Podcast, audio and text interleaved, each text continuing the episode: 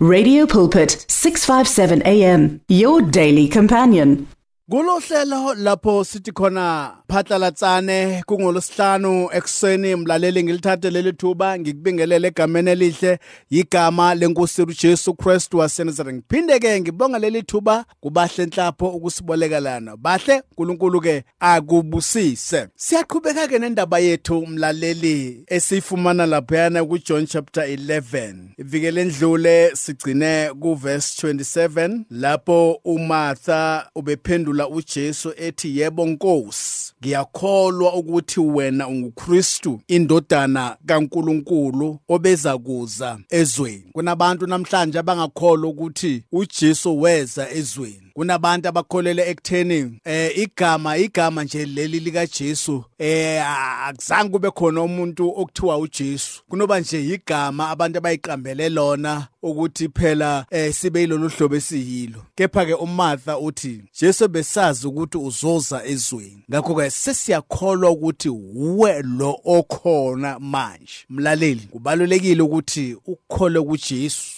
Njengenkosi nomsindisi. Kubaluleke kakhulu ke lokho. Banenge abantu abakushumayizile bakutshela ngoJesu. Uyazi nanokuthi uJesu ukhona kepha usaphila lempilo oyiphilayo. Even no utsheliwe ukuthi wazisiwe ukuthi uJesu uyakuthanda ufisa ukuba agcine alonde impilo yakho. Ngakho ke wena ke usaqhubeka nokwenza nokutamasa uMartha uthi yebo Nkosi ngiyakholwa ukuthi wena unguKristu indodana kaNkuluNkulu obeza kuza ezweni. Now ku verse 28 iBhayibheli lalithi ke eseshilo lokho. Wamuka wabiza uMaria udade wabo ngasese. Wathi umfundisi ukhona uyakubiza. Mlalele usukholiwe ukuthi uJesu uyindodana kaNkuluNkulu ebeza kuza ezweni. Wenzeni? Noma wenzani? At this point at this moment wenzani la uMartha eseshilo ukuthi wena unguKristu indodana kaNkuluNkulu kwaba khona isinyathelo asithathayo mlaleli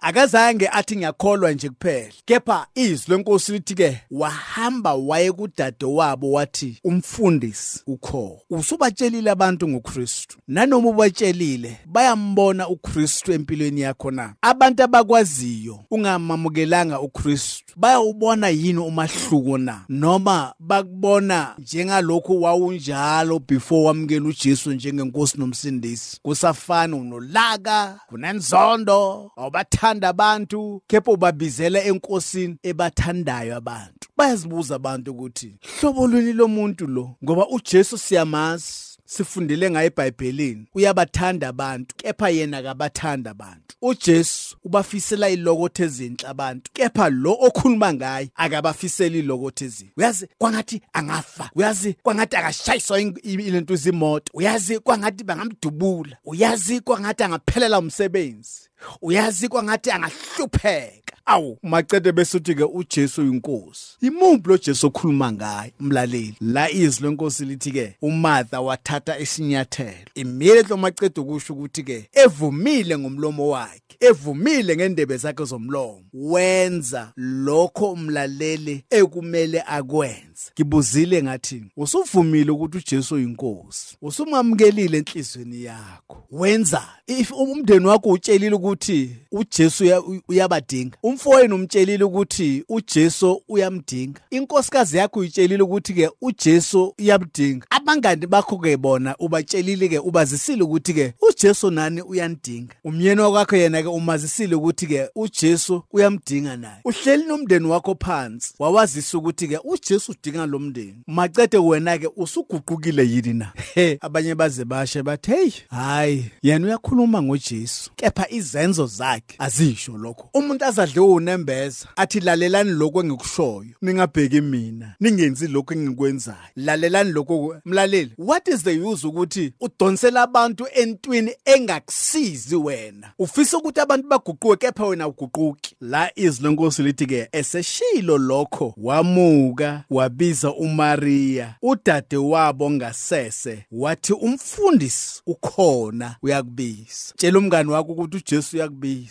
Tshela osebenza nabo ukuthi uJesu uyababiza. Tshela umndeni wakho ukuthi ke uJesu uyababiza. Qhubeka utshela umphakathi ukuthi uJesu uyawubiza. uMaria noma uMartha wathi uma seceda ukuxoxa noJesu eseshilo ukuthi wena Jesu unguKristu indodana kaNkuluNkulu. iBhayibheli lithi ke akazange agcine lapho waqhubeka walanda udade wabo. Wathi Mary mfundisi ukho uyakubiza. Ake sibabizeni mlaleli.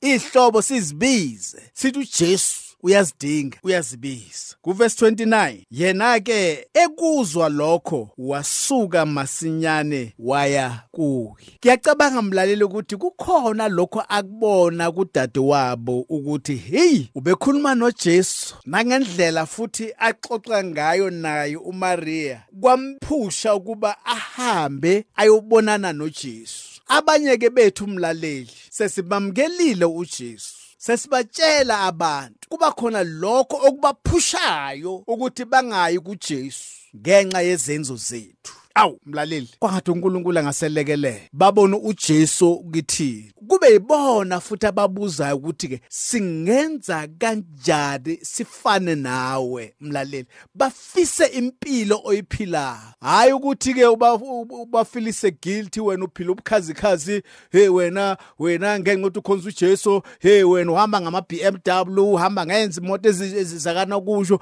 kepha impilo yakho ayichazi ukuthi inoJesu. Ngamagama abantu kumele babone ngempela ukuthi ke ngikhonza uJesu nginemali abantu kumele babone ngempela ukuthi ngikhonza uJesu ngihlala endaweni ezithize abantu kumele babone ngempela ukuthi ngikhonza uJesu. Hey mlaleli akuyo akubona ubuKristu lo? Yes izinto ezinhle siyazidinga. Kepha akulona ivangeli le. Nanoma mlaleli uhamba eduzane kwesicathulo nanoma mlaleli uhlala kuphi uJesu udinga wonke umuntu. Ngakho ke akudingi ukuthi uziveze ulolo hlobo lomuntu oluphezulu.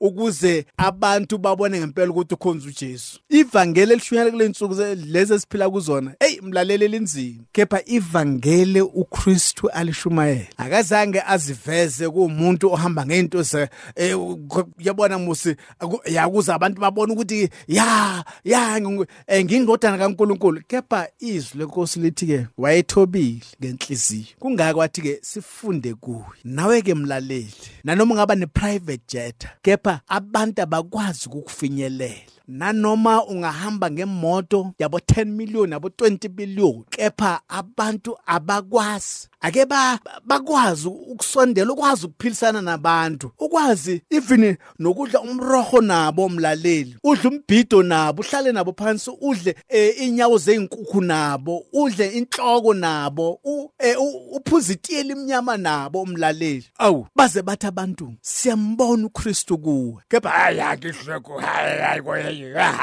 into uthola umuntu esephila hey impilo obukhazikhazi lalela. iBhayibheli lithi itrata zegolide I mean ezuleni itrata zegolide. So wena uhamba estradini segolide uchwensa ngento esebank uchwensa ngezinto oziphethe. Kepha usahamba emhlabathini usahamba la ethulini. Ha. Izwi lenkosi lithi asizithobeni mlaleli. Even though nginendlu yabo 100 million ngihlala endlini ke 100 million kepha abantu abalapha phansi bakwazi ukungifinyelela mlaleli. Abantu abaphansi laphayana bakwazi ukuxoxa nami. Ngingathi uma ngivela bese bayashabalala nami ke ngifuna abantu abakuleyo level yami leyo. He ngoba ngithi phela sikhuluma ngalevel ngama level ya ke ngeke labantu cha mlaleli uJesu uthanda bonke abantu. Ngakho ke uma ukhonza uJesu uma umazi uJesu uzobathanda bonke abantu. Uzophilisa uzokwazi ukuphilisana nabo bonke abantu. Uzokwazi ukuhlala nabantu bangafili guilty bengafili